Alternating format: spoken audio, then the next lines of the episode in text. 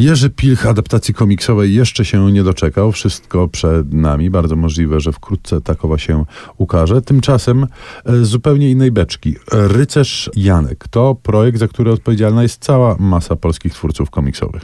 Tak, bo scenariusz napisali Robert Sienicki i Jan Mazur, rysunki zrobił Igor Wolski, a pokolorował to wszystko Tomasz Grządziela. Rycerz Janek, instrukcja prawidłowego składania ofiar zapomnianym bogom. Sam tytuł już bardzo wiele nam o tej albumie mówi. Co ciekawe, to jest e, kolejny odcinek serii, tylko że ta seria przeważnie ukazywała się gdzieś tam nieco, e, że tak powiem, w bardziej obiegu czasopiśmienniczo-komiksowym niż albumowym, albumowym jako takim.